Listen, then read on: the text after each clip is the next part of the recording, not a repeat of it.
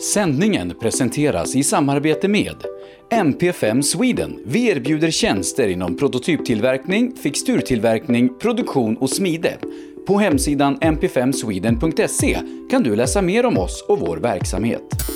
Nybe AB, med bas i Småland är vi verksamma i södra Sverige med byggentreprenad för såväl stora som små projekt, för industrier, större fastigheter och villor. Tillsammans erbjuder kompetens inom byggnation, projektledning, planering, VVS, plåtslageri och kringtjänster som till exempel leverans med kranbil. Vi har även ett komplett byggvaruhus i Eneryda. Nybe är totalentreprenör som kvalitetssäkrar ditt projekt från idé till verklighet. Läs mer på nybeab.se. Nu har vi på rallyshop.se tagit nästa steg och breddat verksamheten ytterligare med den nya och mer kompletta webbshoppen apex.se. Vi har även tagit över ga1.se samt gpartners.se och hela utbudet finns på apex.se. Rally, racing, drifting, folkrace och all annan motorsport. Produkterna du behöver inför din nästa tävling finns på apex.se. Välkommen till Rådek! Vi är ett kunskapsföretag som arbetar med revision, redovisning och beskattningsfrågor. Våra kunder är företag inom de flesta branscher. Genom flera års erfarenhet har vi på Rådek lätt att sätta oss in i de flesta frågeställningar som uppkommer. Vi samarbetar med Sveriges ledande rådgivare inom våra kunskapsområden. För dig som är företagare vill vi på Rådek vara det självklara valet. Så precis som vi sa i början, välkommen till Rådek! Drive VXO för dig som trivs bakom ratten. Utbildning, event och konferens. Trafiksäkerhet, motorsport eller bara kul på hjul. Drive VXO because driving matters. Elinstanät är ett brett företag inom elentreprenadbranschen som erbjuder lastbilstransporter, alla typer av schaktmetoder och även schaktfri teknik såsom horisontal styrd borrning i både mjukmark och berg. Vi är Årets Företagare 2020 i Melleruds kommun. Vår ambition är kostnadseffektiva lösningar och hög kvalitet. Elinsta Nät.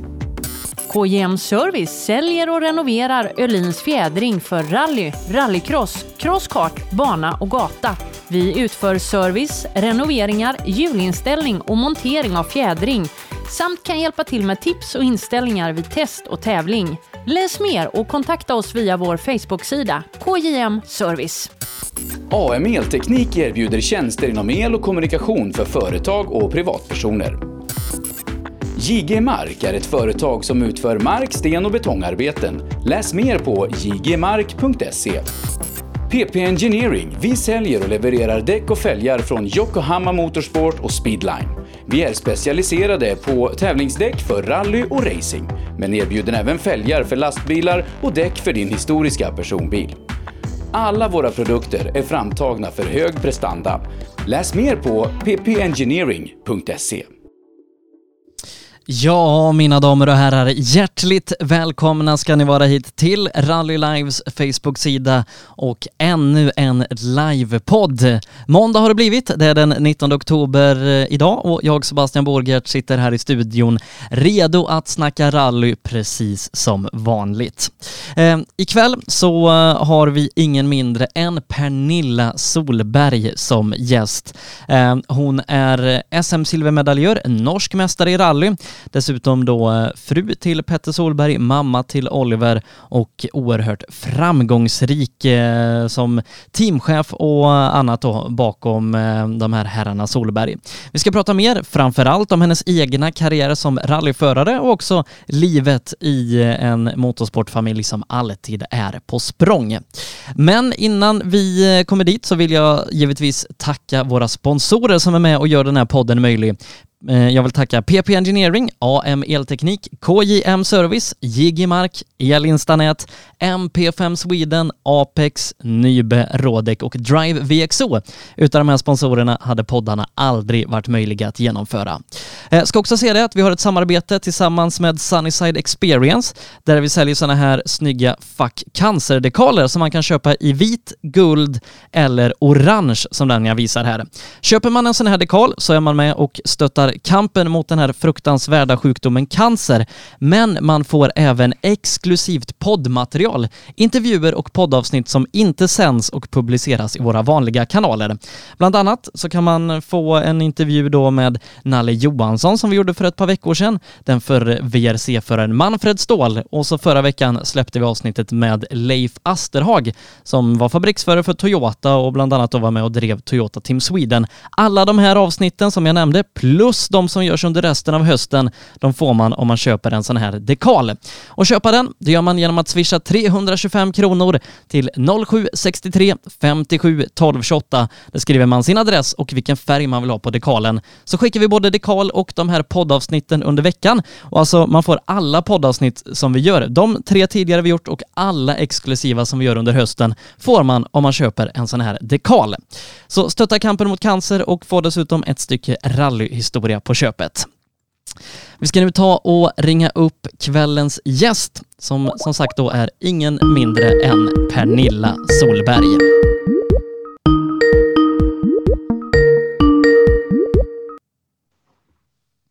Hallå, hallå! Hallå Pernilla, hallå, hur är läget? Det är bra. Du, har, har, du en, har du en kameraknapp någonstans på din skärm så att vi ser dig också? Det har jag, vet du. Säkert. Ska se om jag fick på den nu. Ja, det fick du. Kanske. Ja, det är bra. Du, du ser mig, jag ser inte. Men Nej.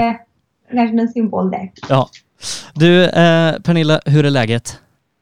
Det är bra. Det är ganska hektiskt. Det har varit... eh, Det är ju två VM, eller två mästerskap som Oliver försöker köra nu. Dels EM och VM. Eh, Och bägge arrangörer försöker ju nu att klämma in så många tävlingar man bara kan på få veckor. Så det är väldigt hektiskt. Det är väldigt roligt men det är väldigt mycket att göra med pappersmässigt och försöka få, ha ordning och reda på det här. Det måste ju liksom varit från, från noll och inget där ett tag till, till 110 procent på en och samma gång för er med, med rallytävlandet. Ja, det blev det. Det blev det. Men det är ju jättekul och vi är otroligt tacksamma att vi får Eh, kom iväg och åk bra tävlingar och även givetvis är det mycket jobb för oss men framförallt också för alla arrangörer som sliter med att få tillstånd och få till tävlingar så det är otroligt roligt att vi får hålla på med det här och att vi ändå kan köra tävlingen i en väldigt speciell och svår tid då. Så är det. Du, vi, ska komma in på, på vad du sysslar med nu för tiden, men men jag tänker att vi börjar från början. Eh, Pernilla, hur började du med bilsport? Eh, jag var väl kanske född in i bilsport. Pappa Per-Inge han körde ju ganska aktivt när jag var liten och eh, väldigt aktuell, eller väldigt aktiv i rally och senare då i rallycross. Eh, så vi var ju med massor på tävling, jag och syrran, när vi var små. Eh, fram till kanske 7-8 års ålder då han gick i pension ganska tidigt. Eh, och sen så var vi ju liksom i det här rallymeckat i Värmland med Svenska rallyt och med Hölje. Så vi var ju alltid med på tävlingar och alla kompisar var ju alltid ute och såg på tävling. Så det var ju verkligen mycket motorsport när vi växte upp, även om jag kanske inte var aktiv när jag var liten då. Eh, och sen så blev pappa 40 och fick en Volvo Amazon i present. Eh, och då tyckte jag att det var väldigt kul om jag kunde vara med och vara kartläsare. Så jag blev kartläsare för honom när jag var 15-16. Eh, och där, där kom jag in och tyckte att det här var helt fantastiskt. Och det var så jag kom in på riktigt och började mer och mer med, med rally. Men visst var det så att eh, du höll på med en annan sport som involverade hästkrafter eller hästkraft? Ja, jag, jag var ju helt insnöad på häst. Det var ju det jag och syrran höll på med. Så det var liksom det bästa vi visste. Och jag bodde ju även i England ett år och höll på med hästar. Så det var, det var liksom det som var livet. Men sen eh, när jag kom hem och pappa fyllde år där och jag fick vara med som kartläsare så tänkte jag, nej men gud, det här är ju mycket häftigare. Och även om hästar var en väldigt stor del av mitt liv så vart liksom rallyn mycket roligare och det var en sån kick. Eh, och sen när jag blev 18 så tänkte jag okej, men jag kan ju försöka ta licens i alla fall och bara pröva att köra själv. Och då, då var jag fast i det här. Men hästar och häst, hästkrafter har alltid varit en stor del av livet. Eh, ni åkte väl ändå ganska stora tävlingar alltså när du var kartläsare till din pappa? Var inte ni över lite i England och åkte och så? Jo, vi åkte de här historiska tävlingarna där vi fick ha de här veteranbilarna då. Eh, så det var ju RAC-rallyt, det var klassiska Rally Jyväskylä eller Thousand Lakes som det heter då. Eh, så det var ju stora bra tävlingar och så var det ju SM i eh, Sverige förstås. Så det var mycket tävlingar och väldigt fina roliga tävlingar och en fantastiskt bra start för mig att få vara med ifrån kartläsarstolen och lära sig liksom allt det här runt en tävling. Så det var, det var en bra läro, läro eller en bra skola. Hur var det att komma ut på, på så stora tävlingar som så ung och ny in i, i rallytävlandet? Man tänkte ju inte på det, det var ju bara att hänga på liksom. Det var, det var ingenting man liksom reflekterade över där och då, men det var, det var bra, otroliga startfält, men en, verkligen en bra, en bra skola. Eh, kommer du ihåg din första rallytävling som du körde? Eh, ja, det var när jag skulle ta licens, kommer jag ihåg. Jag tror det här var i vara var X i Ekshärad tror jag skulle köra för att få licensen med en vanlig bil. Eh, så den, det kommer jag ihåg att det var väldigt speciellt. Men första riktiga tävlingen det var i Örebro. Eh, men med en Volvo originalbil. Pappa var med mig som kartläsare. Det tycker jag var otroligt modigt gjort av honom. Eh, och eh, jag vet att vi på någon av de sista sträckorna möter en bil inne på sträckan. Och jag kanske inte reagerar så illa som pappa gjorde. Han bara sa, men herregud, han bara skrek ju för att de släppte in en bil ifrån fel håll. Så vi drog av vägen men kom vidare sen då och så, mm, jag tror jag blev 13 av 14 i klassen i Volvo original. Så det var ju inget jätteresultat men jag glömmer det aldrig. Fantastiskt kul. Eh, de här första åren då när du började köra rally, vad, vad var det för typ av tävlingar och så du körde i, i Volvo original? Det var ju, det var ju en sån här Volvo originalcup som jag körde. Väldigt, väldigt bra cup som, som fanns i Sverige den gången och som var väldigt stor. Det var väldigt mycket tävlande i den. Så det var ju mycket tävlingar i den och så var det mycket lokala tävlingar här i Värmland. Så man åkte ju, det var ju tävlingar nästan varenda helg. Så det var ju att köra runt på det man fick ihop till och hann med liksom. Och samma bilen med. Man, man, sträck, man körde ju bilen till tävlingen. Jag hade ju inget serviceteam i början och ingen mekaniker Utan man lastade liksom en bensindunk i kafferten och ett reservhjul kanske eller två. Och sen åkte man iväg och hoppades på att det skulle gå bra så man kom hem igen med samma bil. N när kände du liksom att men, det går ganska bra det här, det, det kanske är värt att, att satsa på, på rallytävlandet? Uh, ja, det var väl, det gick ju bättre och bättre liksom och sen så var det väl, jag kommer ihåg det var Sören Nilsson blev så himla arg på mig. Han var ju extremt eh, välmeriterad och, och, bra att prata. Och jag vet, jag fick, det var en gång när bilen gick sönder eh, och så var jag tvungen att få låna hans kärra för att komma hem. Eh, och då fick jag liksom höra att käre du Pernilla, om du ska hålla på med det här då får du faktiskt satsa lite rejält och ta det lite mer allvarligt. Kanske ha med dig en mekaniker eller två och ett släp så att du ifall det händer något då, så att du faktiskt kan dra hem bilen. Och då tänkte jag okej, okay, men nu, nu får jag kanske lägga på ett curl här om, jag ska bli, liksom, om det ska bli någonting.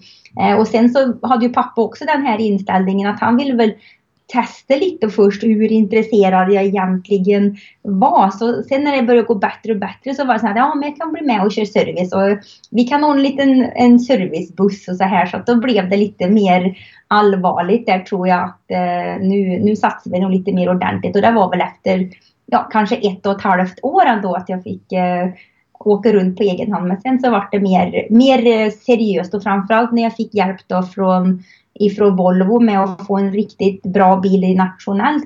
Eh, då, då fick vi ta det lite mer på allvar så då blev det mer, eh, mer ordning och reda. Eh, jag har grävt lite i arkiv och grejer och försökt hitta när du körde ditt första Svenska rallyt. För Svenska rallyt är ju stort för alla svenskar och kanske inte minst när man är från, från Torsby-trakten. Ja. Stämmer det att det var 1994 i en Volvo original? Ja, det tror jag kan stämma bra det. Jag vet, det vart ett bråstopp på Djurasträcka uppe i Dalarna. då, då drog jag av vägen där och ner i någon snöravin där. Men jag, jag har fått få tag i folk. Och vi kom upp på vägen, jag och min kartläsare Jenny, så jag tror vi, vi kunde köra vidare där. Men det var eh, ett otroligt slit att få upp den här Volvon igen. Men eh, nej, det, var, det kan stämma att det var, att det var då. Hur liksom var det att, att köra Svenska rallyt när man är från Torsby och från en sån rally och rallycrossfamilj som du är? Ja, men det är ju gigantiskt. Det är ju liksom Svenska rallyt för alla då, speciellt som jag sa förut här, att det är ju den, den tävlingen alla åker och ser på det här. Och det är liksom drömmen, eller har varit min dröm länge då, att få vara med i den här tävlingen. Så det är att få starta i det. Jag tror vi fick ju inte köra hela rallyt, vi körde väl kanske en dag eller två. Så det var ju en lite kortare version och jag tror inte vi åkte alla sträckor alla dagar heller. Men just det här att få vara med och, eh, och att det liksom, man hade Rally Sweden på, på dörrar på bilen. Det var, det var mäktigt liksom. Det var, det var riktigt kul. Hur var det att gå från Volvo original till Volvo i, i nationella klassen? Ja, det var nästan lätt. Det var det för ju mer, um, man hade ju mer hjälp av motorn och det var ju liksom en, eh, en kul bil. Även om att köra en, en nation, eller en sån här originalbil är en väldigt bra lär, lärobil tycker jag. Så var det ju ändå en, eh, en otrolig kick att få köra en bil som gick så mycket bättre. Så det var en, ett, ett kul steg. Hur liksom utvecklades i satsningen i och med att du tog steget upp i, i nationella? Vad, vad var det för tävlingar och mästerskap? Då blev det lite mer, mer SM och det var lite kanske större, större tävlingar än jag hade åkt förut då. Så det blev, det blev ännu mer allvarligt då. 95 och 96 var det tror jag, om inte jag minns fel. Hur var det steget att ta in i SM som på 90-talet var men kanske ett av världens starkaste mästerskap även nere i nationella klasserna? Ja, det var, det var bra. Man fick ju verkligen bit ihop det. Jag vet, jag hade väldigt bra alltså idoler, kan jag säga, men folk som var med och körde där som var riktigt, riktigt bra. Som Jonas Kruse och eh, Thomas Hansson, Kim Sevius, Mats Karlsson. Det var ju otroligt duktig, duktiga chaufförer med som man liksom vill fighta med. Då. Så det gick väl bättre och bättre. Och jag tror jag hade väl någon, någon sträckseger kanske där, men det var ju inga jätteresultat. Men eh, det var fantastiskt kul i alla fall. Um. 97 då så, så blir det ju bilbyte igen. Eh, då blir det Mitsubishi och varför blev det det? Det var väl tack vare Stig-Olof, farbror min, som hade eh, samarbete med Mitsubishi och haft det i många år. Så fick jag ju låna hans bil 96 i en tävling för att prova på. Och det gick ju skitbra. Jag tror jag var tvåa totalt i Örebro eh, på någon i ASG eller vilket rally det var. Reimerallyt eller ASG, jag kommer inte ihåg vilket. Och ehm, det, då liksom tänkte jag, men herregud, det här, var ju, det här var ju riktigt roligt. Och det var nästan lättare att köra en sån bil än den här stora Volvon. Även om Mitsubishi också var en stor bil så var den ändå mer hanterbar och lättare att köra för mig på något vis. Att det passade perfekt. Och då fick jag också väldigt bra hjälp ifrån eh, Perry Lidström och alla på Mitsubishi i Sverige. Så det var riktigt, riktigt kul och en, en härlig period där sedan i några år med Mitsubishi och tillsammans med Stig-Olof och Kenneth. Så det var, ja, det var kul. Eh, jag, jag, tror din son kollar för, och vi hänger kvar lite vid Volvo då, för han undrar hur brett du åkte i Volvon? det gick nog ganska gövbrett tror jag. Det var liksom mer ner i diket än, än kanske på vägen. Det, var, det är ju en stor bil och den var liksom tung att få runt liksom. Men det var, nej, det var kul. Men det var nog lite bredare körstil än det blev sen i, i fyrhjulsdriven bil.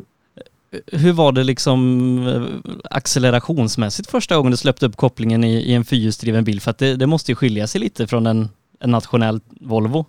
Ja, det gör det. Det är klart att eh, acceleration ifrån, ifrån start och framöver går ju fortare. Men det är ju ändå en, en grupp M-bil, så det var ju inte så här extremt stor skillnad. Det var ju ganska mjuk eh, körstil ändå tycker jag. Så det var väl inte där överväldigande, det var det väl inte. Men det var, det var ju det här att du har ju så jämnt driv hela tiden som var, som var kul då. Lätt att hålla tempo, lätt att hålla med flyt. Eh, hur såg liksom satsningen ut när du väl hade tagit steget in och, och, körde Mitsubishi? För att du körde väldigt mycket bil om man börjar med liksom 1997 och, och åren som kom sen. Ja, jag körde ju SM framför allt och sen så försökte jag ju även i VM och EM. Jag körde ju även Västeurocup. Jag fick ju också väldigt, väldigt bra hjälp av både Tina Turner och Susanne Kotulinski som hjälpte mig ut till att få köra asfalttävlingar. För det var ju inte mycket asfalt i Sverige den gången. Eh, och jag gjorde även ganska mycket tester på bana för att få just med asfaltträning. Så det blev ju kanske en av mina favoritunderlag sen. Så att det var det var mycket tävlingar runt eh, i, ja kanske mer norra Europa men även några VM-tävlingar som Portugal och, och eh, Spanien framförallt då som vi var till som var också väldigt, väldigt, väldigt bra. Så det blev, jag tror jag körde fem VM-tävlingar som mest ett år och sen var det då SM och, och och i tillägg till det då. Uh Kommer du ihåg första liksom utlandstävlingen du gjorde? Du har kört en del i Norge, men om man ser utanför Norden? Ja, det måste ju vara RAC-rallyt 97 tror jag som var liksom det största eh, igen då, det som jag skulle köra ihop med min syrra Linda. Eh, och även före det så var vi kanske i eh, man blandar ihop det och man glömmer ju bort. Men vi var ju även i Belgien, Yperrally som ska gå nu. Där var vi med 97. Eh, och sen var vi ju med i... Um, Tulpanrallyt? Ja, Tulpanrallyt precis. Eller ja, på um, Golden Tulip men även eh, då Rally Yper. Eh, och sen så var vi även på Isle of Man 98 och det var också såna här jättehäftiga tävlingar som var med i den här Västeurocupen. Men den första stora sådär som jag kommer ihåg det var ju RAC-rallyt. Det var ju också sån här dröm om du hade Svenska rallyt här hemma så var ju då eh, rallyt i England en, en stor, stor tävling och sen också 98 då med finska rallyt. Så det var, det var såna här höjdare som jag tyckte var fantastiskt kul och som var just att det går så fort och att det är långa dagar och att det kanske också Finland då som med alla hopp och så här. Det, det var, det var en riktig kick. Uh, kommer du ihåg första liksom svenska rallyt som du körde i en VM-klass? Det måste ha varit då 97? Ja, det var väl med eh, Mitsubishi 97 eller 98 som jag körde i VM. Som det var Grupp N-VM då. Så det måste ju ha varit de tävlingarna. Vi hann ju inte köra någonting före i och med att svenska går i februari. Så måste det ha varit Svenska rallyt som var den första stora VM-tävlingen då hur var det att, komma till Svenska rallyt och köra i en VM-klass? Men då har man lite förtur med det att man har varit där förut så då kändes det inte lika stort kanske även om det egentligen var, var lika stor, kanske större än de andra tävlingarna man var på i VM så var det ju ändå hemmaplan så man hade ju lite hjälp av det att man känner till vart man är och åker, man känner igen ställena man kör förbi och just det att man känner till ett rally på det sättet gör ju att det blir lite lättare och inte lika, att det inte känns lika stort kanske. Eh, utan jämfört med man kommer till en hel, ett helt nytt land och ställen man aldrig har varit förut, man kanske inte förstår, det står på vägskyltar och man, eh, ingen kanske, eller inte så många pratar bra engelska och så, så det är klart att då är det lättare att köra hem. Absolut. Då upplevs det inte lika stort. Eh, men just RAC-rallyt är ju väldigt speciellt. Eh, mycket nordbor åker dit och lyckas ganska bra, men det är ofta ett rally som, som det händer väldigt mycket. Det är sällan det går ja. smärtfritt från första till sista sträckan. Hur, hur, var det för dig första gången i, i RAC? Nej, det var väl lite olika. Ehm, nej, vi, vi kom runt. Jag tror jag sedan blev 21 totalt om inte jag minns fel. Eh, och vi vann damklassen, det var inte så mycket jäntor med dem, men vi, vi var väl okej okay med i gruppen ändå tror jag, men vi blev femma eller sexa kanske. Eh, och det är ju, men det är ju som alla tävlingar man åker till som är, är ny så där, det gäller ju liksom att få bra eh, bra hjälp och att man, man får rutin ifrån det. Vi försöker ju lära Oliver det här nu med att man, det här med att man lär sig karaktären på tävling och man lär sig att ett VM-rally är en stor skillnad mot ett SM-rally som vi kanske då på förut och som har 15 mil eh, SS och så kommer du på ett VM som då, och då den gången var över 40-45 mil. Så det är klart att det är så mycket längre och att man det här, om man ska ha uthållighet i många fler dagar och det, det, det är ett stort steg in i VM. Och sen framförallt i, i den gången så fick vi ju inte skriva noter i Sverige. Eh, och det att komma ut på VM, då ska helt plötsligt kunna skriva noter och förstå den delen av det. Här hemma hade vi ju bara fått noter hela tiden. Eh, så det var, det var ju också ett enormt steg att, att lära sig. Som eh, man kanske låg lite efter då mot vad andra gjorde. Som hade åkt mer ut eller hade andra regler i sina hemländer. Eh, om, om jag har gjort min hemläxa rätt så kom du sexa i grupp N-klassen. Vet du vem som blev femma? Nej, det kommer jag inte ihåg. Eh, Julian Porter som nu jobbar på VRC-TV. Ja, stämmer! Det stämmer det. Vad kul. Eh. Det har jag glömt. ja, så, så, så ni låg precis där eh, jämte varandra i resultatlistan, lite roligt. Eh, det ska jag påminna mig om när jag ser den nu nästa gång. Ja. Eh, hur var det att, att kliva in i säsongen 98 med, med ett helt år i ryggen med, med fyrhjulsdrift? Ja, och det hjälpte ju säkert. Det var ju, det var lite synd för att min syrra ville ju inte vara med längre. Hon skulle vara med med ett halvår. Men sen så var det det här jakten på ny kortläsare och då fick jag ju tag i uh, Ulrika Mattsson och det var så himla kul. Vi hade ett jättebra samarbete ifrån första dagen. Så att det, var, det blev en liksom nystart igen. Och det är klart att när man har rutin ifrån 97 med sig eller ifrån vilken bil som helst, när man har fått kört lite och man är mer in, invand med allting så är det ju mycket roligare. Och det var ju även en ny bil igen om inte jag minns fel. Så att det, det var väldigt, väldigt kul tid. Det var det riktigt roligt. Och 98 gick också väldigt bra.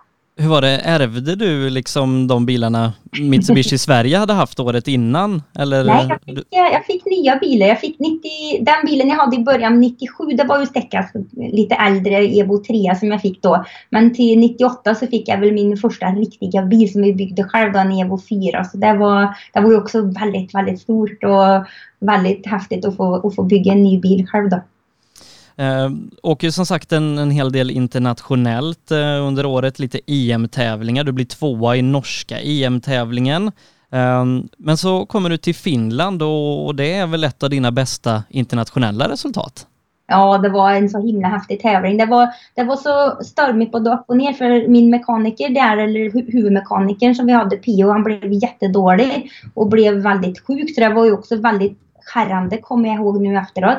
Eh, och vi liksom var jättedeppade om vi skulle liksom starta överhuvudtaget eller hur vi skulle göra. Men vi kom till start och sen så gick det ju, ja det gick ju bättre och bättre. Och jag kommer ihåg så väl inför sista sträcka så kom det en, jag låg väl fyra inför sista. Jag hade legat trea men sen så hade en tio kapp mig ganska bra där så jag låg väl fyra inför sista och han sa liksom att typ kom till bilen och bad om ursäkt och att han hade, att han hade kört förbi och att, liksom att jag nu hade kanske missat pallplatsen. Och jag tänkte det men jag var väl själva fasen nu, så jag, jag, gick inte, det var ganska lång väntan, det var en kö där så jag, jag tänkte, jag, jag gick inte ur bilen en gång, jag satt och laddade, jag glömmer aldrig det här. Och stod upp och körde på sista. Jag vet inte vad jag, jag hade en ganska bra tid totalt tror jag.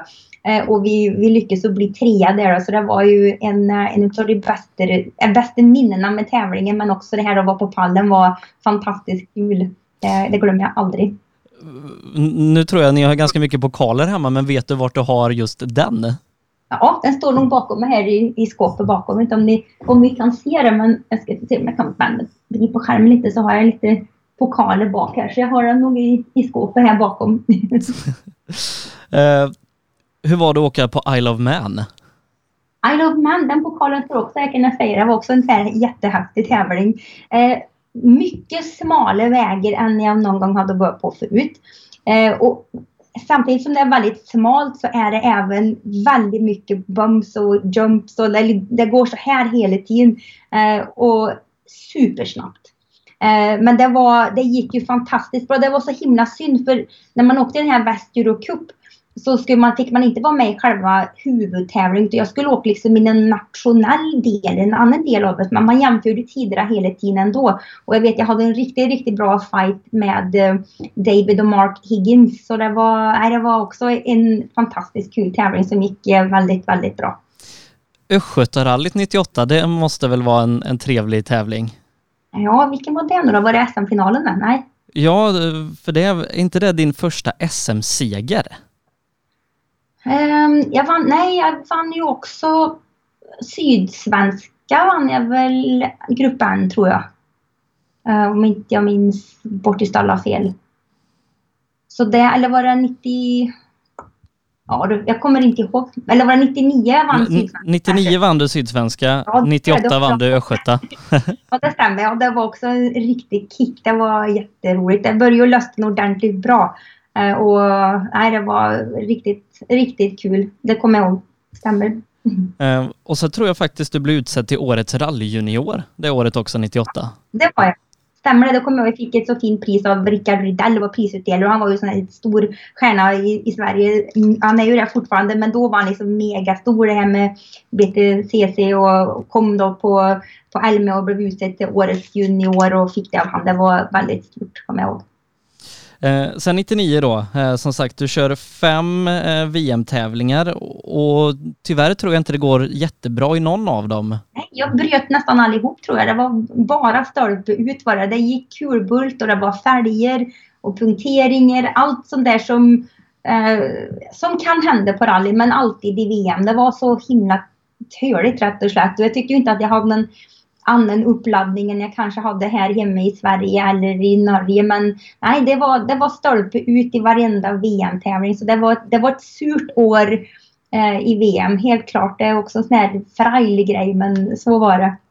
Hur, när, när du liksom har haft ett så bra år, eller två bra år i Mitsubishi där, hur, hur påverkar den mentalt att sådana saker händer? Att man liksom aldrig får den där stolpe in som man kanske har vant sig lite vid? Det är ju ändå ganska bra hemma liksom. Så jag tror man liksom, man vet ju nästan att man har, man har farten och man vet att det funkar när allt klaffar. Sen så är det ju bara det här, det är ju som, som allt, man liksom måste ju bita ihop och, och komma vidare. Det är, det är ju hur bra man tacklar motgång som gör en, gör en stark, liksom, att man kämpar vidare.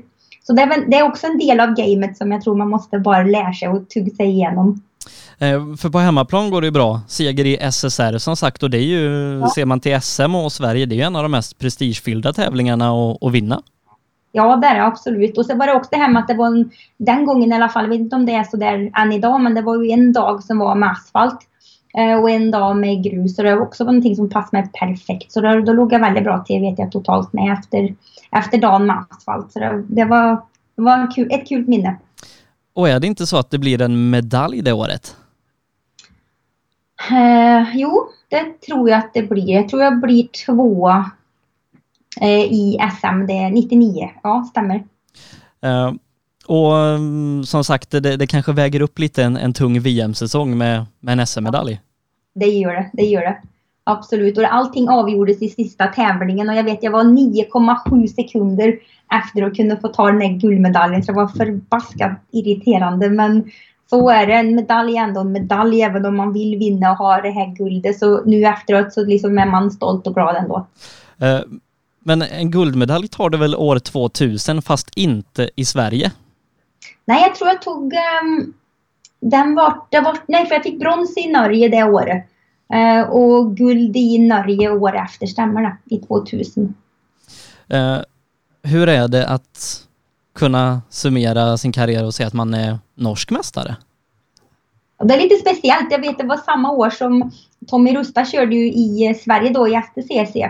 Eh, och han blev ju, tror jag, första som var utländsk, eller han var norsk och blev svensk mästare och jag var svensk och blev norsk mästare. Så det var lite kul att det där då, att vi var på på var, varandras prisutdelningar men fick inte vårt, ja vi fick olika medaljer. Det var, det var lite kul. Det är speciellt att kunna bli det. Men norska mästerskapet var också väldigt stort den gången. Det var väldigt bra tv-täckning. Eh, de hade bra eh, med tv-tid på NRK som är motsvarigheten till SVT i Sverige. Så det var, det var också ett rejält lyft för mig och en bra, en bra hjälp att få så mycket PR. Eh, och VM-året går lite bättre. Jag tror du åker fyra VM-tävlingar och um, bryter en tävling av de här. Så att, uh... Ja, kom nog ut på tre i alla fall. Det var ju, det var ju uppåt. uh, men RAC-rallyt här år 2000, är det sista tävlingen bakom ratten? Ja, det är det. Jag åkte någon sån här uppvisningstävling i Peru i februari året efter. Men den riktiga, riktiga starten det var då RAC rallyt. Och det var, det var också jättetråkigt för Ulrika Mattsson då, som jag nämnde förut, hon var ju med mig i alla, i många år där med Mitsubishi och vi hade ju en otrolig, en otroligt rolig tid ihop. Men hon skadade sig ganska allvarligt i ryggen eh, och ville inte åka med. Alltså hon hade jätteont så jag var tvungen att hitta en ny karta så jag fick tag i Lotta Toselius som blev med mig på kvart, ganska kort varsel. Så vi, eh, jag avslutade min karriär med Lotta i, eh, i RAC-rallyt. Och det var också när jag tror vi rullade på någon sträck där och fick köra med något trasigt fönster och sådär. Så jag kommer ihåg att det var riktigt, riktigt kallt. Vi satt med täckjacka på in i bilen men vi, vi kom i mål tror jag. Ligger det lite i familjen att rulla i RAC-rallyt då? Det kanske gör det. det gör nog det. Oliver hade ju en bra, en, eller en bra ska inte säga att det var, men det hände ju för honom nu i, i fjol. Absolut. Jag uh, hoppas att vi kanske byter det nu så att vi är liksom färdiga med, med, med att rulla i RAC, att det kan få gå bättre nu. Ja, Ja, det, det, det får vi hoppas. Um, får jag fråga varför det inte blir mer rally efter år 2000?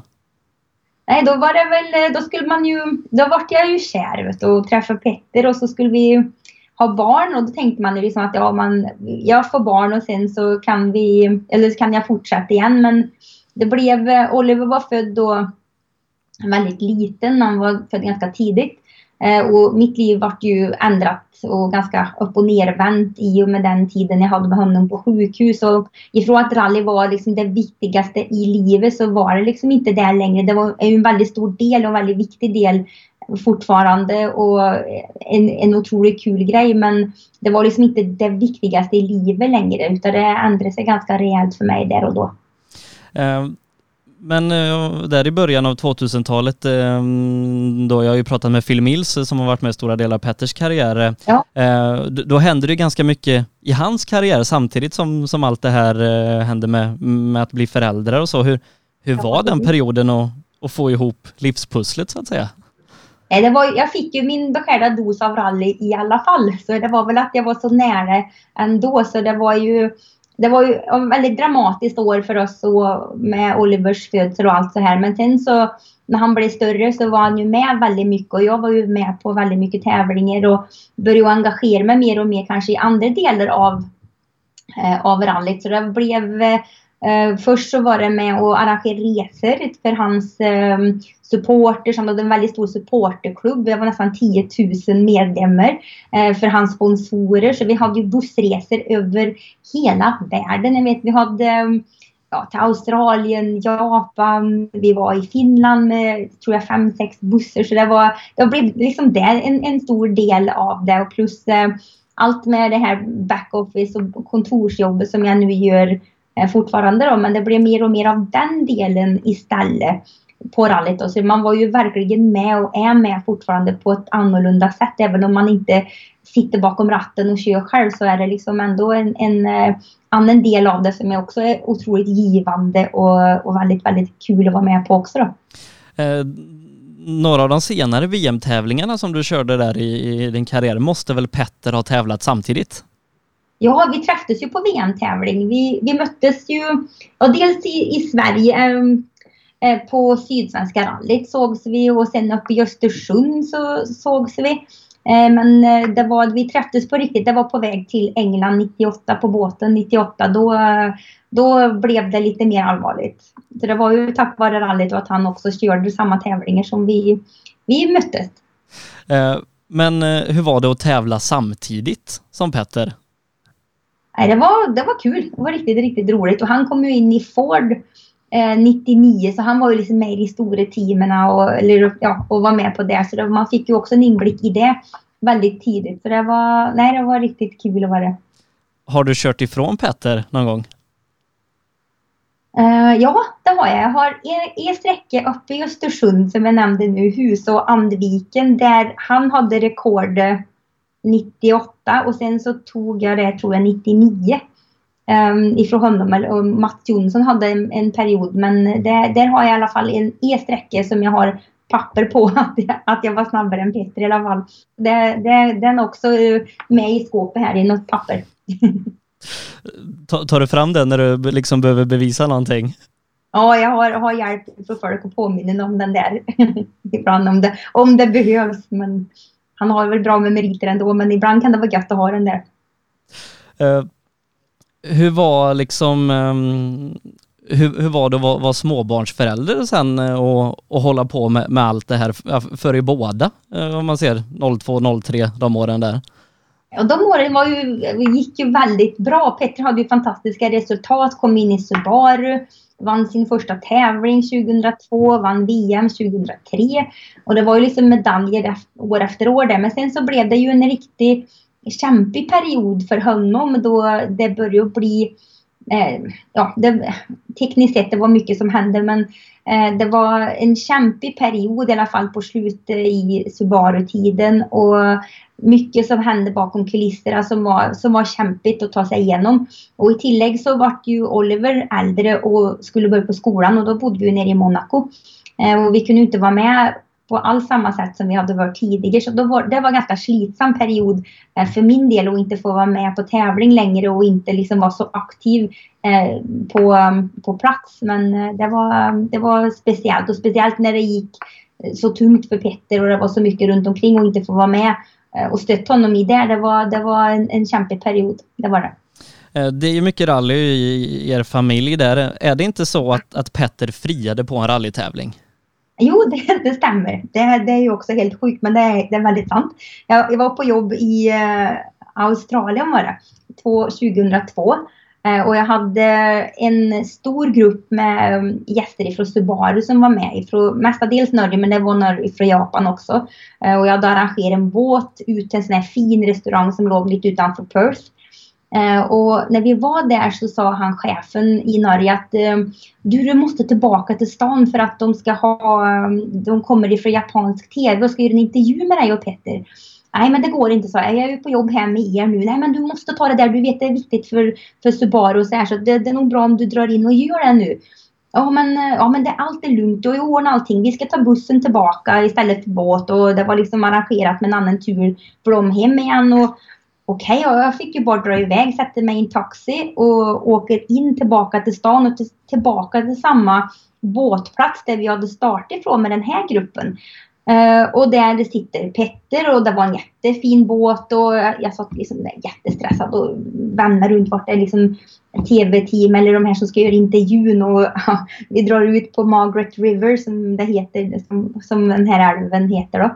Eh, och han så helt så bara stoppar han mitt på sjön där och går ner på knä och frier. Och jag, och jag blev så lättad. Jag trodde det var dolda kameror. Jag visste inte. Jag satt bara och väntade på den här intervjun och få komma tillbaka till min grupp. Men det var så total överraskning och en, ett otroligt fint eh, frieri som kom för mig väldigt oväntat. Så det, det är också en sån här grej som jag aldrig, aldrig glömmer.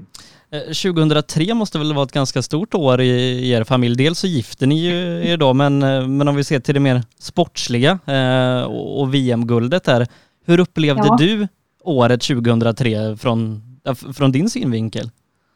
Det var ju, för min del så var det ju väldigt mycket Eh, förberedelser till det här bröllopet som vi skulle ha och bjöd in folk ifrån ja, alla vänner och kända vi kunde tänka på. Så det var ju, jag tror vi var nästan 300 personer i Norge. Och Sen så var det ju då med VM-seger och i samma veva så flyttade vi till Monaco. Så allt skulle liksom hända det här året. Så det var, mm, det var ett, eh, ett stort år med mycket positivt. Alltså det, det, är ju sällan man upplever allt det här på en gång. Men det att gifta sig och flytta utomlands och eh, att Petter vinner, det var, nej, det var ett um, otroligt år att se tillbaka på egentligen. Och allt för mycket som händer egentligen på en gång. Men det, man har ju haft tid nu efteråt att försöka smälta allt. Så det var, nej, det var härligt. Kommer du liksom ihåg ögonblicket när det blev klart att Petter och Phil var världsmästare? Ja, då stod jag på mållinjen i Margam Park i England. Jag var med där. Och allt avgjordes ju på sista sträckan. Det var ju verkligen sekundfight mellan han och, och Sebastian Lubb. Sebastian kunde ju också vinna det året. Men eh, då när de kom i mål, den glädjen, och vi har ju sett mycket filmer och allt där efteråt. men det var en så otrolig kick och den glädjen som Petter visade och och allihop, jag och Helen, frun till, till Phil Mills, stod ju tillsammans där. Och det att få vara där och ta emot, det var, nej, det var häftigt. Riktigt häftigt. Vad liksom betydde det för dig att få, få vara med och dela det här? Ja, det är klart, det är ju, man har jobb för någonting så mycket och jag vet hur mycket tid Petter har lagt ner i det här eh, för att lyckas med det här och, och team och alla runt. Det var ju ett team på nästan 300 personer som jobb eh, bakom kulisserna för att få den här VM-satsningen i hamn. Så det betydde ju så mycket för så mycket folk.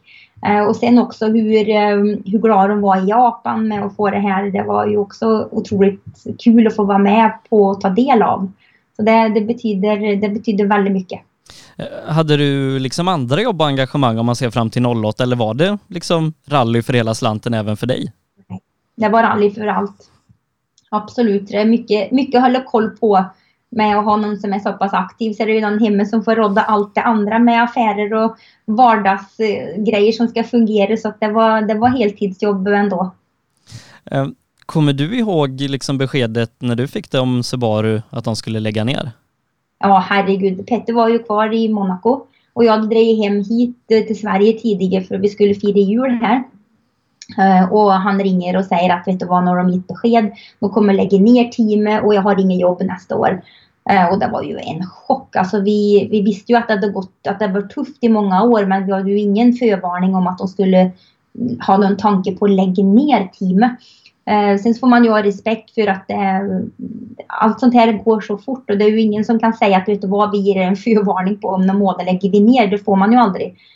Så det var, det var ju en otrolig men ändå ett en väldigt bra avslut. De var otroligt eh, schyssta med Petter och det var liksom inga eh, Subaru Japan var liksom aldrig, det var aldrig något eh, otalt så. Det, var, det, var ett, det blev ett värdigt och bra avslut ändå, även om det är otroligt trist.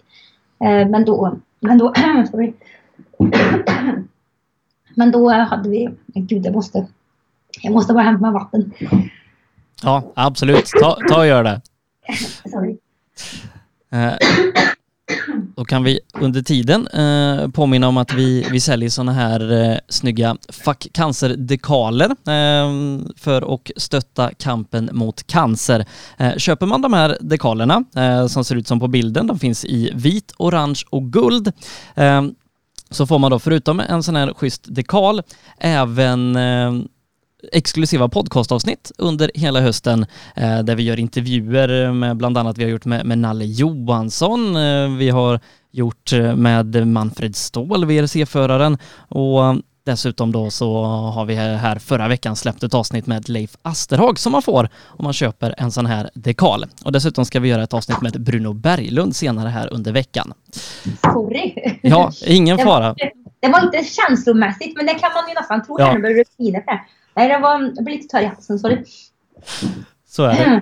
Ja. Men Hur, hur, hur förändrades livet årsskiftet 2008-2009? För att då blir det ju eget team i rally-VM. Då var det action kan jag säga. Herregud. Eh, Det var ju många som sa till Petter liksom att när Subaru la ner så sa de att då, nu har du, då känns det bra med pengar, nu kan du ta det lugnt. Eh, och, och nu liksom går du i pension. Men han bara nej, jag har så mycket, han har så mycket kvar att ge. Och så mycket mer han vill göra i rally. Så då sa jag, men herregud hur svårt kan det vara? Vi startar eget, eget team. Och det var ju väldigt mycket folk som hade jobb i Subaru som då också var utan jobb. Så vi sa, men vi, vi försöker få ihop ett gäng och vi kände till bra med folk. Och just den här delen av hur vi vill driva team och vad Petter vill göra med en bil.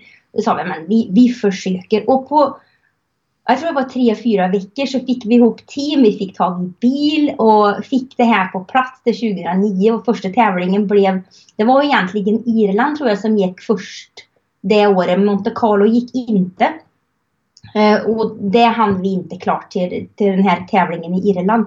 Men det blev Rally Norway. Och tänk dig för, för Peter att få start första tävlingen i Norge med ny bil, med nytt team. Och det, var, det var jobb verkligen dygnet runt för att få det här på plats. Men, men vilken kick det var. Vad kul det var.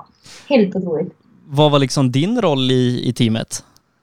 Ja, det var väl allt och ingenting tänkte jag säga. Det var, eh, när Peter drog på möten så satt jag hemma och gjorde presentationer så han kunde visa alltså, reklamplatser. Det var att få igång eh, i alla kontrakt, eh, få avtal med alla mekaniker och folk vi skulle ha. Så allt det här som, som administrator i teamet blev ju min roll då och är fortfarande. Så det är allt det här, allt det här tråkiga som ingen vill göra och som ingen ser, det är det här med ordning och reda och papper, det, det är väl min grej.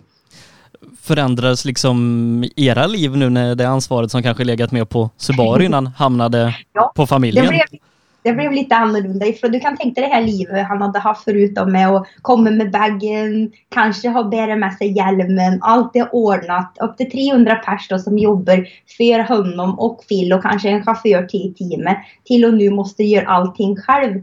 Eller kanske ha förväntningar på att jag skulle ordna det här andra. Det var det var en ganska, en ganska brutal övergång men eh, det var även om det var så mycket mer jobb och så mycket mer press så blev det ju ändå en otrolig kick av att få till det här och få det att fungera och det var ju också väldigt, väldigt bra resultat. Så det var, det var en, också en sån här härlig period i livet som var mycket jobb men eh, så häftigt när man får till det.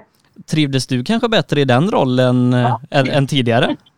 Ja, det tror jag. Det här med att ha någonting att bita i och någonting att göra sådär ordentligt projekt, det, det är nog eh, det jag trivs absolut bäst med. Det är klart. Eh, Det var ju tre år då innan han gick tillbaka till Ford ett år, Petter. Eh, Vad var höjdpunkterna från de här tre åren med, med era egna Citroën-bilar då?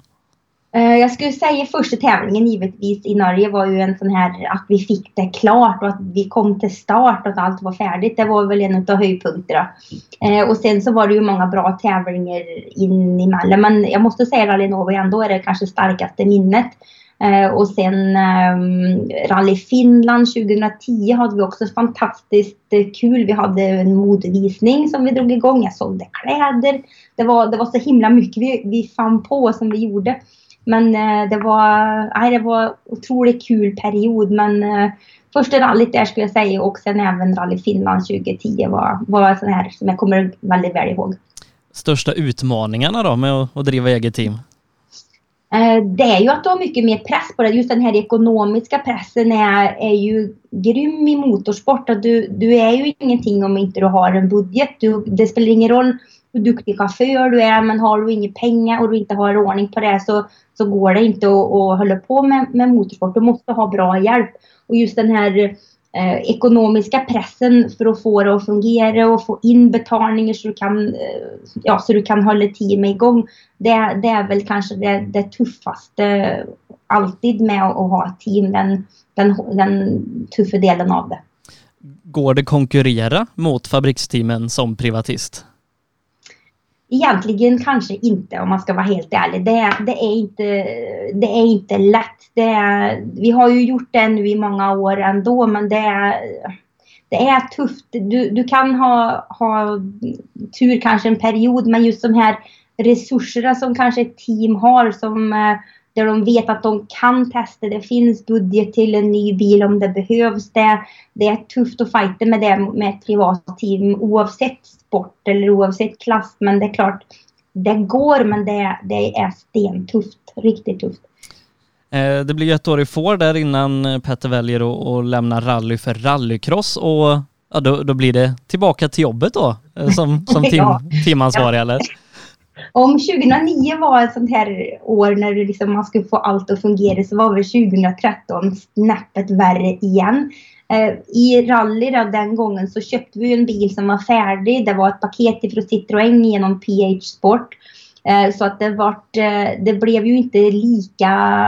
Det var ju en del, alltså man, det var ju väldigt liksom, mycket regler att följa och, och tufft ändå i rally. Men just i rallycrossen, när man får gör bilen själv. Du ska lära dig den tekniska delen av alltihop. Du ska lära dig ett regelverk som du kanske aldrig har tänkt på förut. Man, det, var, det var ju ännu mer. Plus att sporten gick ifrån att vara EM till VM.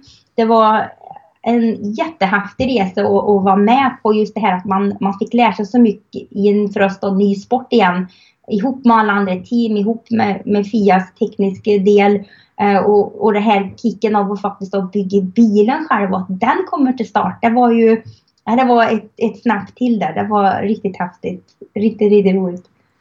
Eh, 2013 då kanske för många ett läroår inför 2014. Eh, hur var det att, att kliva in i 2014 med, jag antar ett högt ställt mål på att bli världens första rallycrossvärldsmästare? Ja, det var, det var 2013, jag måste gå tillbaka till 13 mm. för då, då, hade vi ju liksom försökt och byggt allting så lätt och fint som det på och vis går. Men det är ju det här, du måste ha en hållbar bil, den måste komma i mål. Och det fick vi lära oss också den hårda vägen att det, det går inte att göra saker för lätt i för lätt material. Det måste verkligen vara hållbart. Eh, och det blev en väldigt bra grej att, vi, att det var ändå så pass tufft då 2013. Förberedde ju teamet bra till 2014 eh, när det då blev VM. Eh, och det var, eh, det var en, eh, en otrolig kick att få till och sen att Petter har lyckats att bli den första världsmästaren i rallycross och första som då vinner två olika eh, FIA-mästerskap i både rally-rallycross. Det var, det var enormt stort. Och den här glädjen då som man kan dela då med alla i teamet som har varit med och bidragit och som har varit vaken då dygn runt. Vi hade ju en sån här grej att man går ju aldrig och lägger sig samma dag som man går upp. Det var ju alltid jobb till två, tre på nätterna för att få grejer klart och få, få hem saker i tid och hinna med till tävling. Det var otroligt, um, otroligt många timmar i, i garaget men igen då vilken kick när det blir så bra. Eh, om, om, man ser för din egen del, eh, de tre gulden som du någonstans varit med i då för Petters del, vilket betyder mest för dig? Det är klart första året, det blir ju en... Första gången är ju alltid väldigt, väldigt speciellt. Sen då för kanske för min del Scener när jag har samarbete vi har med, med Volkswagen också blir för min personliga del kanske ännu större med det ansvar och det jobbet vi gjorde där. Så det, det kanske personligen betydde mer för mig än, än Petters guld 30, eller 14, 15 och 16 där. Det, det, var, det var också väldigt speciellt. Um hur var det liksom, hela det här teamet som ni byggt upp då i etappen med, med först rally och sen övergången till rallycross. Hur var det att det sen till 2017 tror jag blir ett fabriksteam? Ja, det var ju också en dröm vi hade haft. För det var ju samma igen. Vi var ju ett privat team i rallycross med i 13, 14, 15 och 16 där vi hade väldigt bra hjälp av många sponsorer men vi hade ju inte den här fabriksstöttningen som som flera team börjar få och som vi märkte att herregud, det här är, det är så stor budget, det är så mycket pengar att få runt det här och det var ju inte kommersiellt på samma nivå som där den faktiska kostnaden var på drivet teamen. Vi, vi försökte jättehårt, vi hade ändå otroliga samarbetspartners men vi fick inte ihop nog med pengar för att kunna driva kanske på den nivån som, som det började dra iväg då. Så vi sa det, får vi inte nu hjälp till 17 att vi får, får ett större team då, då blir det tufft att kunna fortsätta. Eh, så, så som det, liksom, man pratar om att det, ett, man avslutar någonting med, när Volkswagen då går ut eh, 2016 till 17 där och säger att man lägger ner sin VM-satsning i rallyn. Ett så dominerande och starkt team helt plötsligt blir borta. Och sen då att vi ser möjlighet och får chansen att tillsammans med dem kunna använda deras kunskap och, och tillsammans med dem bygga upp det här det var ju också en otrolig resa att vara med på. Så um, igen, det var tragiskt att de går ur från rallyt men hade de inte gjort det så hade vi aldrig fått den hjälpen i rallycross heller. Uh, hur liksom förändrades rollen för dig uh, med att det blev fabriksteam? Det blev ju mycket större, det var mer folk, det var mer att hålla ordning på, det var två bilar istället för en bil. Eh, och fler tävlingar. Så det var, det blev, men samtidigt så hade vi så mycket mer personal. Vi hade mer folk som kunde hjälpa till så det blev på ett vis lite lättare ändå på ett sätt mot det vi hade drivit själv. Vi hade kanske för få personer i teamet och alla fick jobba så mycket mer. Så nu hade vi liksom möjlighet att kunna ha mer korrekt antal personer som var med oss och fick det till att bli så bra som det blev. Så det blev um, på ett vis mer ansvar men ändå lättare på något sätt. Och hur var det sen när, när de beslutade att det inte, eller ni kanske i samråd, att det inte skulle bli en vidare satsning? Nej, det var jättetråkigt. Fruktansvärt trist för att rallycrossen var verkligen på väg till något riktigt, riktigt stort. Eh, och enormt många bilmärken som var med och ville få till en, en lösning med elektriska bilar. Så det var ju någonting verkligen alla trodde på. Eh, och till slut då när den här anmälan och regelverket då till slut blev klart så var det ju Volkswagen och eh, Peugeot som var liksom intresserade. Då hade Audi redan dragit sig ur. Men två bilmärken var inte nog många för att starta en ny serie för, för Fiat. De, var, de skulle ha minst tre. Så det var ju liksom i, i samråd, alltså det är ju ingen idé att, att starta någonting, eller vi, vi, Fia vill inte starta. Och det var ju bara att förstå att skulle vi få någon hjälp vidare och så ser vi ju även nu i, i rallyt och många andra bilsporter att om inte det här med det här nytänket och man har hållbarhet med och, och en ny, ett nytt sätt att driva bilar så, så är det en tuff framtid. Man måste ha ett nytt tänk och, och få till någonting. Och när inte det kom då i rallycrossen den gången så förstår jag ju varför eh, man lägger ner. Men så otroligt trist när man har ett så enormt bra team med Petter, med Johan eh, och alla de fantastiskt duktiga medarbetare vi hade i team och behöver lägga ner och ta den eh, och berätta det för team att tyvärr vi har ingen fortsättning framöver. Det, var, det, var, det är tufft. Det är inte speciellt kul. Även om man förstår det. Hur, hur var det att vara spotter till Petter? det, det, är aktivt kan jag säga. Han vill ha mycket information, mycket grejer. Om vi jämför Petter och Johan, Johan vill inte ha någonting. Jag tror bara han har, det är väl precis när han ska göra jokern och antal varv. Petter vill ha så mycket information som det bara går. Eh, vart bilar ligger runt han och hur, hur stor lucka det är i tid till bilarna bakom. Eh, det, det, det, är väldigt, eh, väldigt kul. Man är verkligen med. Det känns som man nästan är med i bilen i alla fall. Och sen då i 2018 när jag fick göra det här ihop med Oliver med. Då, för han har alltid retat mig. Åh mamma du tar fel beslut och du skulle skicka in pappa där på varvet för eller någonting då. Men sen när han fick vara med där då såg han liksom att fasen det är inte så lätt, inte så lätt att ha översikt sådär. Så det var, det, var, det var en kick, väldigt kul att vi kunde göra det tillsammans. Men han lyssnade på dig Petter? Nej, inte alltid. Det var, det var många gånger så. Men herregud, vi skickade in det. Du skulle ha gått in på andra varven. Han hade inte hört någonting då. Och ibland tror jag faktiskt han bara ryckte ur kabeln så han inte skulle höra mig eller Oliver. Uh, 2019 då och 2020 har inte varit sysslolösa eh, för er. Eh, för att nu då så, så har ni väldigt mycket med, med er son Oliver då att göra. Eh, men under många år när ni drev rally och rallycross-team så tävlade ju Oliver också, crosskart, rallycross och, och rally. Hur var det att kombinera det med att driva VM-team på högsta nivå? Ja, det var en utmaning också kan jag säga. Vi, vi bodde ju i husbil eller ute på hotell hela tiden. Vi flyttade ut och just crosskart och rallycross går ju ganska samtidigt. Det är ju som säsongsporter som startar gärna i mars-april och avslutas kanske oktober, november. Lite längre kanske i rallycross då med att vi har VM. Men eh, det var det var hektiskt kan man säga. Jag tror vi hade, kan vi ha bortemot 25-30 tävlingar på ett år. Så det, eh, och då kanske egentligen mer eller mindre på ett halvår. Så det var, det var hektiskt. När förstod ni att, att Oliver skulle följa era fotspår eller hjulspår kanske man ska säga? vi försökte ju verkligen med allt annat för honom. Vi, vi tog honom med på eh, det var gokart, det var dans, han var med på ishockey, fotboll, tennis. Eh, jag vill ju verkligen visa att du behöver verkligen inte hålla på med motorsport bara för att vi har gjort det. Det finns så mycket annat kul vi kan göra. Men han var liksom hela tiden så, så drogs han ju mot motorsport mycket mer. Och det var ju min pappa Per-Inge som tog han med på crosskart första gången. För min lillebror Jonathan körde. Så han var med där och tyckte det här var helt fantastiskt. Det var mini-crosskart.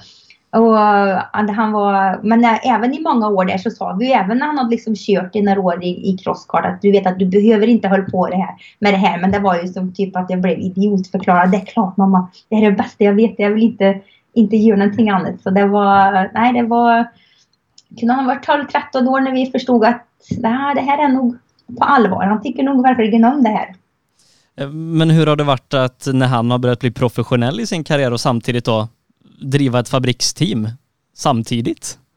Nej, det var, det var hektiskt kan man säga.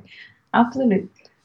Eh, och eh, förra året då så, eh, så avslutar ju Petter sin aktiva karriär samtidigt som, som Oliver gör, gör VM-debut och liksom hur, hur var det att, att kombinera eh, när, när en karriär slutar och den andra kan man säga på riktigt allvar börjar? Det, vi har ju väldigt tur så som får vara med på Olivers karriär så mycket som vi gör. Och det här med att vi, vi behöver inte gå i pension, vi kan fortfarande jobba med det här och, och hjälpa Oliver så gott vi kan med det vi har lärt oss genom åren. Uh, och jag tror det är också en väldigt, väldigt kul grej för Petter att han får dela det här med Oliver och just samarbetet som de två har Eh, tillsammans med det tekniska och hur man ska ställa in en bil på bästa sätt. De har ju eh, fantastisk kemi ihop och är väldigt, väldigt kul. Så jag tror ju att det, vi har det, istället för att man går i pension då kanske och slutar helt som för Petters del och, min, och då har du min motorsportskarriär kanske varit över den med här nu men nu kan vi ändå vara med och vara med på en, ett nytt kapitel här som, som ser väldigt spännande ut också och ser lovande ut för framtiden. Ja, hur ser, hur ser liksom teamet och, och ert och kanske framförallt ditt jobb ut idag? Eh, nu har vi ett väldigt starkt samarbete med Skoda Motorsport och även med Volkswagen. Så vi har, eh, Oliver kör nu, skulle ha kört sex VM-tävlingar med, med Skoda i år. Men så blev ju det här med, med covid och corona som har drabbat alla. Men eh, vi har um, kört ganska många tävlingar ändå. De hjälper till mer och mer här nu på slutet av säsongen. Eh, så vi, eh, vi driver teamet och gör allt, pappersjobb och anmälan och så har de kommit med bil på tävling på några tävlingar. Men sen har vi ju kört vår egen bil, vår egen Volkswagen-bil. Där vi då har haft hjälp ifrån Folkvagn. Eh, där de har kommit med, med lite personal ibland. Och, men igen då väldigt mycket pappersjobb för min del och all den här backoffice och samarbete med sponsorer och kontrakt och så här. Så det, det är lika mycket nu som när vi hade det andra VM-teamet. Det är bara lite olika namn på papperna men väldigt mycket jobb. Men du är inte sysslolös om dagarna? Nej, verkligen inte. Det, det, är nog mer, jag skulle nog säga att det är nog mer just nu än det någon gång har varit. Kanske då på grund av eh, coronan och att det är så mycket mer pappersjobb runt och säkerställa att, man, att alla i teamet har gjort eh, sådana PCR-tester, att man testar sig, att man bekräftar till FIA vilken personal man ska ha med. Det är väldigt restriktivt när man ska resa och vilka dagar man är på plats. Så det är mycket, mycket mer pappersjobb än det kanske har varit tidigare i en VM-tävling. Då. Hur, hur var det att åka kartläsare med Oliver? Jättekul! Riktigt häftigt var det. Väldigt, väldigt häftigt. Så det var, jag, jag, tyckte själv att jag läste så bra. Jag var så stolt. Och hade satt igång den här kameran och tänkte att nu ska jag visa dem när jag kommer in där liksom på, efter tävlingen så de ska få höra här nu. Och nej då, den kameran hade ju inte funkat. Det var väl inga SD-kort i eller om jag hade tryckt på fel knapp. Men inspelat var det i alla fall inte. Så det var, jag har ingen bevis för hur det egentligen gick. Men det var en häftig känsla och en otrolig kick att få åka den här hemmasträckan och det här hoppet vi har i Torsby där på den arenan. Så det var jättehäftigt, jättekul. Eh, hur har det varit att jobba professionellt inom en idrott som med både sin man och sin son?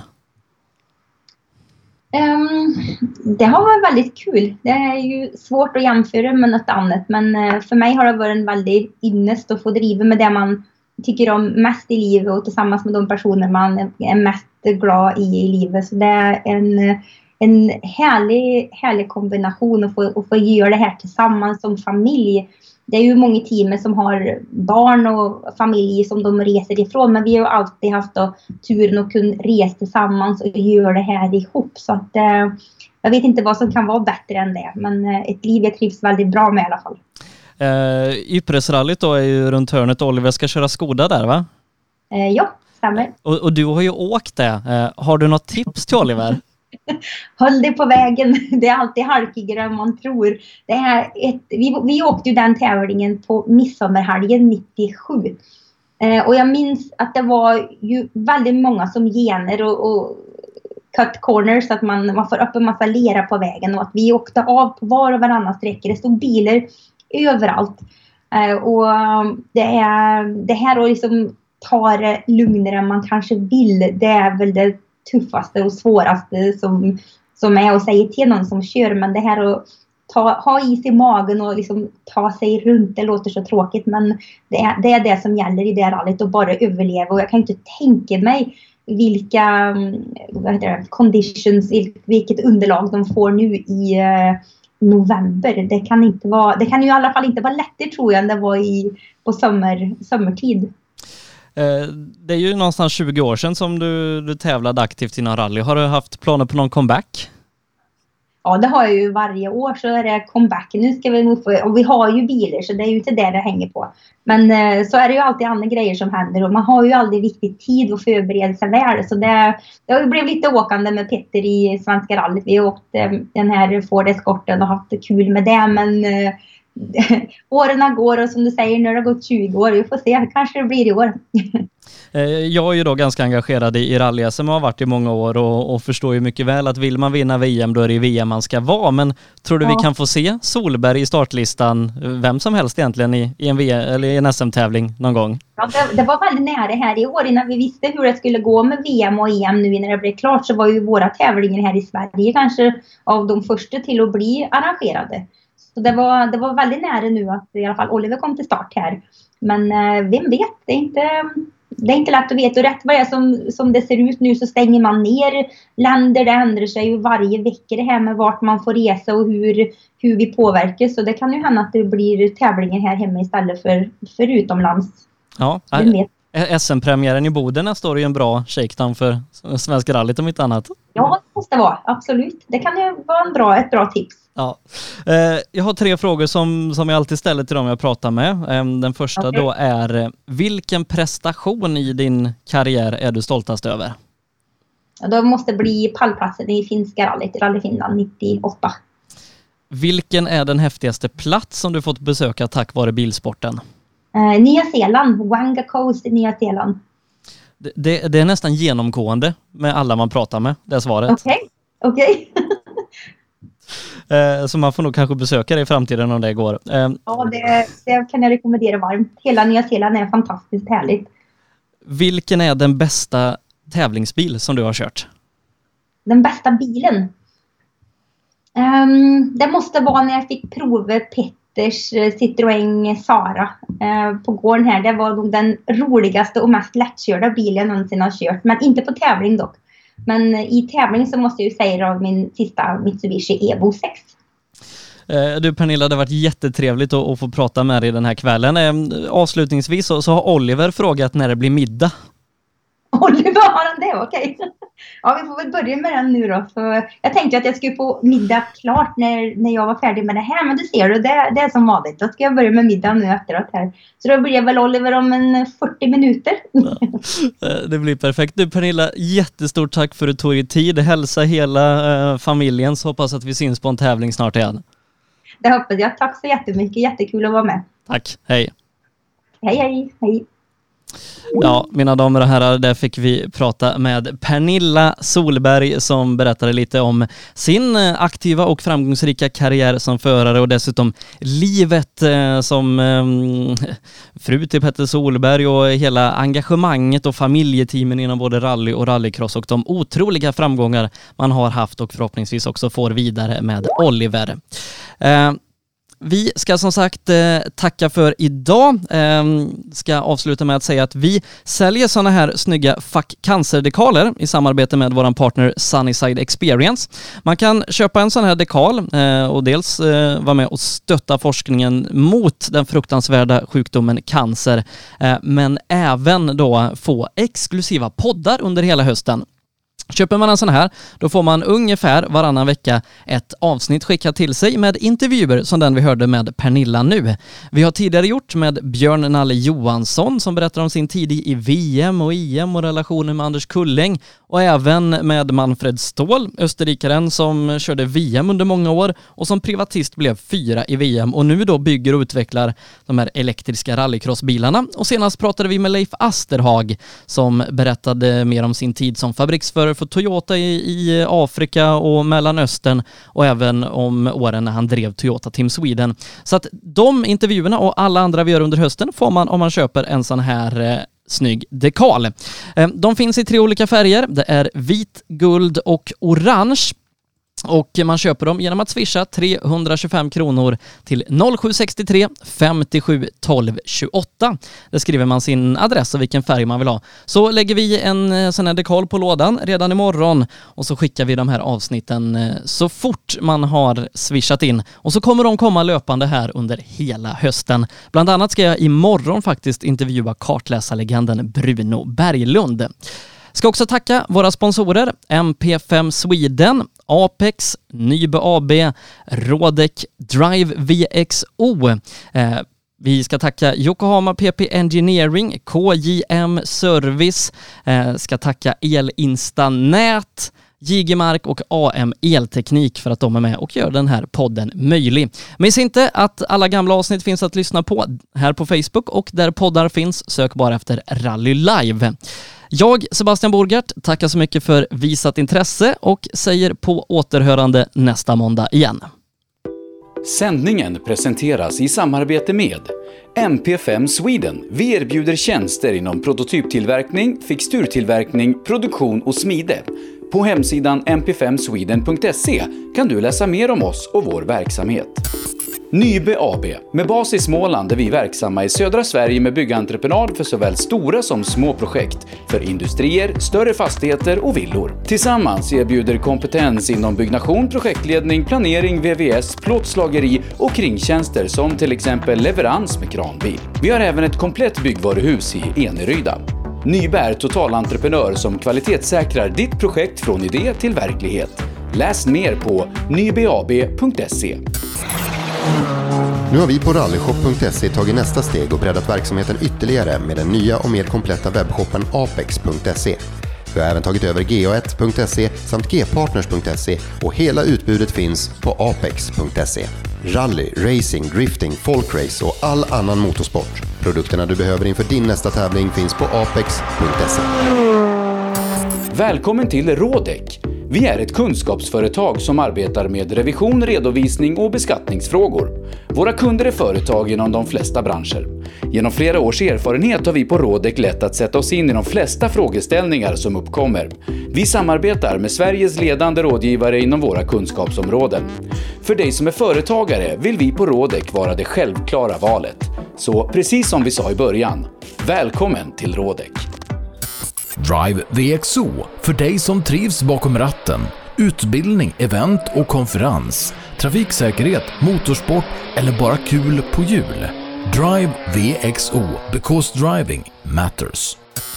Elinstanät är ett brett företag inom elentreprenadbranschen som erbjuder lastbilstransporter, alla typer av schaktmetoder och även schaktfri teknik såsom horisontal styrd borrning i både mjukmark och berg. Vi är Årets Företagare 2020 i Melleruds kommun. Vår ambition är kostnadseffektiva lösningar och hög kvalitet. Elinsta Nät. KJM Service säljer och renoverar Öhlins fjädring för rally, rallycross, crosskart, bana och gata. Vi utför service, renoveringar, hjulinställning och montering av fjädring samt kan hjälpa till med tips och inställningar vid test och tävling. Läs mer och kontakta oss via vår Facebook-sida KJM Service. AM Elteknik erbjuder tjänster inom el och kommunikation för företag och privatpersoner. JG Mark är ett företag som utför mark-, sten och betongarbeten. Läs mer på jgmark.se. PP Engineering. Vi säljer och levererar däck och fälgar från Yokohama Motorsport och Speedline. Vi är specialiserade på tävlingsdäck för rally och racing, men erbjuder även fälgar för lastbilar och däck för din historiska personbil. Alla våra produkter är framtagna för hög prestanda. Läs mer på ppengineering.se.